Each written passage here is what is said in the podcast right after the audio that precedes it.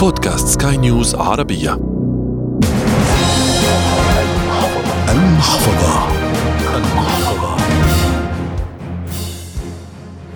كنا منذ زمن بعيد عندما نرى صورة سيارة المستقبل نقول في ذهننا هل من المعقول أن نراها على أرض الواقع بالتصاميم الغريبة والشاشات والتطور التكنولوجي؟ وهذا فعلا ما حصل وما نشاهده اليوم في عالم السيارات الكهربائية. حلقة جديدة بدأت من برنامج المحفظة الذي يأتيكم عبر منصة بودكاست سكاي نيوز عربية على أبل وجوجل وسبوتيفاي.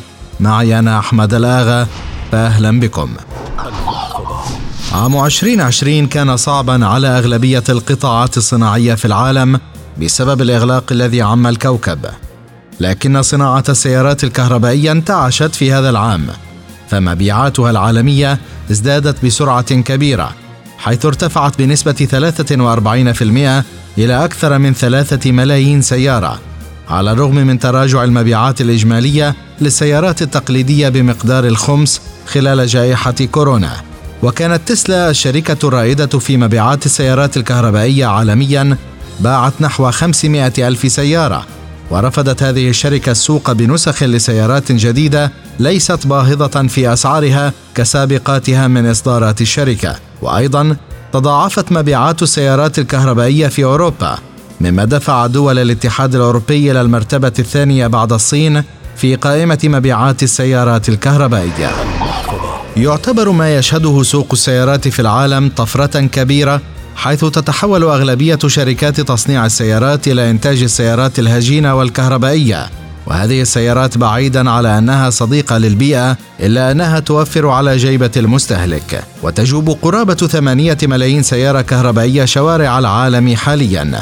رغم ذلك لا تمثل سوى أقل من واحد في المئة من إجمالي السيارات البالغ عددها مليار فاصل أربعة سيارة. ويتوقع أن يصل أسطول السيارات الكهربائية إلى 230 مليون سيارة في 2030 أي ما يعادل 5% من السيارات عالمياً. ورغم أن السيارات الكهربائية لا تنتج انبعاثات ضارة مباشرة أثناء تشغيلها كالسيارات ذات محركات الاحتراق الداخلي إلا أن ثلث الانبعاثات تأتي من عملية تصنيع السيارة نفسها. فمثلا 50% من مكونات السيارة الكهربائية يأتي من البلاستيك وهي المادة التي تصنع بشكل أساسي من البتروكيماويات. كما أن أسطول السيارات الكهربائية قد يستهلك 4% من الطاقة الكهربائية عالميا في 2030 والتي تنتج بشكل أساسي من الفحم والغاز بجانب النفط. رغم ذلك فإن بعض الدراسات وجدت أنه حتى مع توليد الكهرباء فإن انبعاثات السيارات الكهربائية أقل بما يصل إلى 30% عن السيارات التقليدية، ولا تزال السيارات الكهربائية في مهدها وقيد التطوير والنمو، وقد تستحوذ على 16% من أسطول السيارات العالمية بحلول 2045 ومن المتوقع أيضا طرح حوالي 150 طرازا جديدة من السيارات الكهربائية والهجينة هذا العام. وقدرت المبيعات المتوقعة بحوالي 4.6 مليون سيارة بحلول نهاية العام الحالي. آخر الإصدارات من إحدى الشركات المختصة بصناعة السيارات الكهربائية وصلت لتقنية تستطيع من خلالها أن تمشي السيارة لمسافة تصل إلى ألف كيلومتر في الشحنة الواحدة. الشحنة الواحدة للسيارة وبمعدل وسطي بالنسبة للشركات التي تصنع السيارات الكهربائية لا تتعدى ثلاثة دولارات لقطع مسافة 250 كيلومترا بشكل تقريبي. وحسب الدراسات فإنه لا تتجاوز كلفة استهلاك المركبات الكهربائية من الكهرباء نحو 25 إلى 30% من كلفة الوقود للمركبات التقليدية ما يعني التوفير بنسبة 70 إلى 75% وخفض فاتورة المشتقات النفطية. لكن في المقابل يجب على من يريد شراء سيارة كهربائية أن يعرف أسعار هذه السيارات التي تتراوح بين عشرة آلاف وأكثر من مئة ألف دولار. وهذا ما ينعكس على المسافة التي من الممكن أن تقطعها السيارة.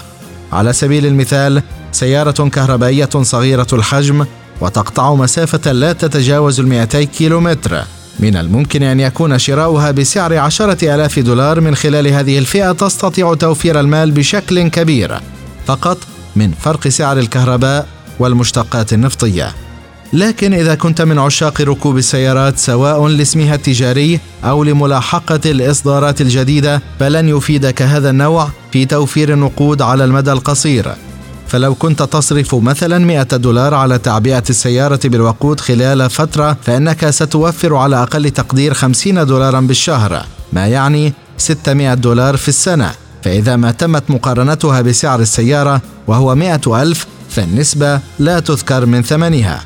أما إذا كان سعر السيارة عشرة آلاف دولار فالستمائة دولار تشكل نسبة كبيرة من ثمنها وتعجل من سدادك لثمن السيارة فقط من فرق أسعار الوقود فبعد حوالي ثمان سنوات تكون قد ربحت سيارة بكل ما للكلمة من معنى. ونقطة مهمة جدا أن السيارة الكهربائية لا تحتاج لصيانة سوى تغيير المكابح والعجلات ومرشح هواء المكيف وذلك بعد تسعين ألف كيلومتر تقوم بقطعها السيارة. فإذا قمت بشرائها ستوفر تكاليف الصيانة الدورية التي تقوم بها السيارة التقليدية كل خمسة آلاف أو عشرة آلاف كيلومتر. ومن الممكن أن تكون هناك مشكلة في السيارة تكلفك المال الكثير والمزيد من إضاعة الوقت.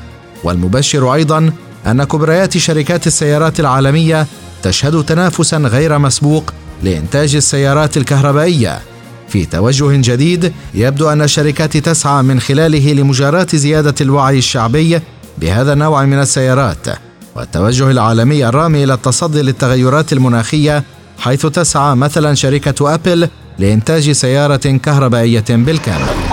وأيضا خطوط إنتاج شركات السيارات التقليدية العالمية جزء كبير منها أصبح يصنع السيارات الكهربائية.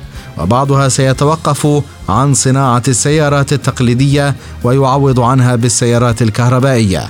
السيارة الكهربائية ضيف جديد على شوارعنا ومن المفروض أن تخفف على جيوبنا لعدم استهلاكها للوقود نهائيا. إلى هنا وصلنا لنهاية هذه الحلقة والتي أتتكم عبر منصة بودكاست كاي نيوز عربية على أبل وجوجل وسبوتيفاي. تقبلوا تحيات أحمد الآغا من الإعداد والتقديم وغسان أبو مريم من الإخراج الإذاعي. في النهاية أنت أدرى فقرارك بين يديك. إلى اللقاء. المحفظة.